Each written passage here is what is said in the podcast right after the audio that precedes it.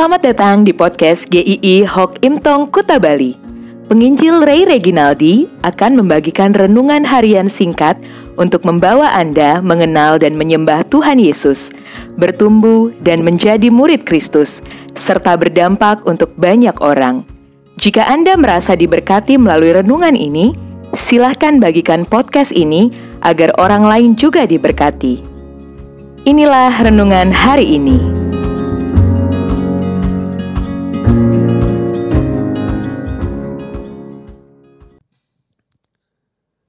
Berubah. 2 Tawarikh 15 ayat 7. Tetapi kamu ini kuatkanlah hatimu, jangan lemah semangatmu, karena ada upah bagi usahamu. Ada satu film seri bercerita tentang seorang yang menjadi presiden secara tiba-tiba karena presiden yang sebelumnya meninggal. Kalau diceritakan kisah detailnya, nanti renungan ini akan butuh waktu berjam-jam. Singkatnya begini. Ketika dia menjadi presiden, dia dianggap sebagai orang yang tidak cakap. Banyak yang meragukan dia. Karena orang ini tidak mau kompromi. Prinsip hidupnya adalah dia menjadi presiden apa adanya. Tidak mau ada kebohongan-kebohongan yang pasti dia akan selalu mementingkan kepentingan rakyat. Tetapi setelah berseri-seri film ini bagaimana menyaksikan sang presiden ini mengatasi masalah dengan cara-cara yang baik dan sungguh-sungguh bisa menolong banyak orang. Akhir kisahnya cukup memilukan. Kenapa memilukan? Karena presiden ini berubah. Dia hanya memikirkan dirinya sendiri dia kehilangan integritasnya. Dia takut kehilangan kekuasaannya. Maka cara yang salah pun dia pakai demi dia mempertahankan kedudukannya. Berubah itulah yang terjadi pada dirinya. Dari seorang yang berintegritas, orang yang memikirkan kepentingan orang banyak, jadi orang yang mudah kompromi, orang yang menghalalkan segala cara dan mementingkan diri sendiri. Berubah itu juga tidak menutup kemungkinan bisa terjadi pada setiap kita. Kita kadang berkata kepada orang lain yang sudah mungkin kita kenal cukup lama, orang ini baik, kita katakan, "Kamu jangan berubah ya, kalau kamu udah sukses." Tetapi apakah kita juga sebenarnya yang sudah berubah? Lebih penting lagi kita harus bertanya sekarang, bagaimana relasi kita dengan Tuhan hari ini? Apakah relasi kita sudah berubah? Apakah itu berubah lebih baik atau lebih buruk dari waktu-waktu sebelumnya? Dua Tawarikh 15 ini menceritakan tentang Raja Asa, Raja Yehuda. Ayat yang kita baca hari ini adalah bagian dari perkataan utusan Tuhan kepada Raja Asa, bahwa Tuhan mau Asa setia kepadanya. Kalau mengenal Raja Asa di awal pemerintahannya, kita pasti akan terkagum padanya. Seorang raja yang hidupnya takut akan Tuhan, imannya luar biasa. Dia percaya Tuhan akan menolongnya, sekalipun dengan jumlah pasukan yang lebih sedikit menghadapi dua kerajaan yang kuat. Setelah dia mendengar utusan Tuhan bicara kepadanya untuk setia, dia memang setia, tetapi tidak selamanya.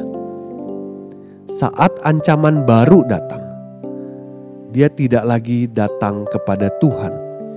Dia malah berkompromi dengan bangsa asing untuk menjadi sekutunya. Dia sama sekali tidak mengandalkan Tuhan lagi, tetapi pikirannya sendiri mengandalkan bangsa lain yang dianggap bisa menolongnya. Yang lebih menyedihkan nih ya, ketika dia ditegur oleh utusan Tuhan, dia malah memenjarakan sang utusan itu.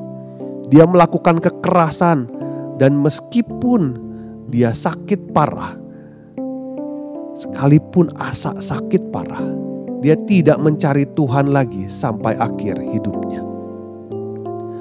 Berubah, itulah yang terjadi pada Raja Asa. Dari orang yang bergantung pada Tuhan menjadi berpaling daripada Tuhan. Berubahnya seseorang kepada Tuhan bisa disebabkan karena dia menaruh rasa aman pada hal yang salah. Ketika seseorang menaruh rasa amannya pada uangnya, kesehatannya, penerimaan dirinya, orang lain, kedudukannya, kuasanya, maka dia akan berusaha untuk mempertahankan apa yang menjadi rasa amannya dengan cara apa pun. Walau kadang itu bertentangan dengan imannya kepada Tuhan. Keadaan bisa lebih parah saat kehilangan semua rasa aman itu. Dia akan melihat hidupnya sudah habis. Jujur perlu kita akui bahwa kita sering kali tidak konsisten setia kepada Tuhan. Kita sering berubah setia kepadanya. Tetapi bersyukurlah karena kesetiaan Tuhan kepada kita bukan didasarkan pada kesetiaan kita. 2 Timotius 2 ayat 13. Jika kita tidak setia, dia tetap setia karena dia tidak dapat menyangkal dirinya. Tuhan Yesus mau mati di kayu salib bukan karena kesetiaan kita.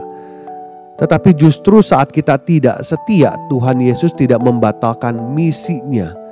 Tetapi dia tetap setia menjalankan panggilannya untuk menyelamatkan kita. Justru dia mati supaya kita mengerti betapa besar kesetiaannya, kasihnya, anugerahnya. Tuhan Yesuslah yang seharusnya menjadi rasa aman di dalam hidup kita. Sehingga kita bisa hidup sungguh-sungguh untuk Tuhan. Saat Tuhan Yesus menebus kita, Dia mau setiap kita kembali hidup di jalan yang benar. Hidup ini pasti penuh godaan untuk kita berubah setia. Tetapi perjuangan kita untuk setia tidak sendirian. Roh Kudus akan menolong kita untuk tetap setia Orang yang hidupnya sudah diubahkan Tuhan, seharusnya arah hidupnya berubah hanya untuk Tuhan Yesus. Kiranya Tuhan memberkati.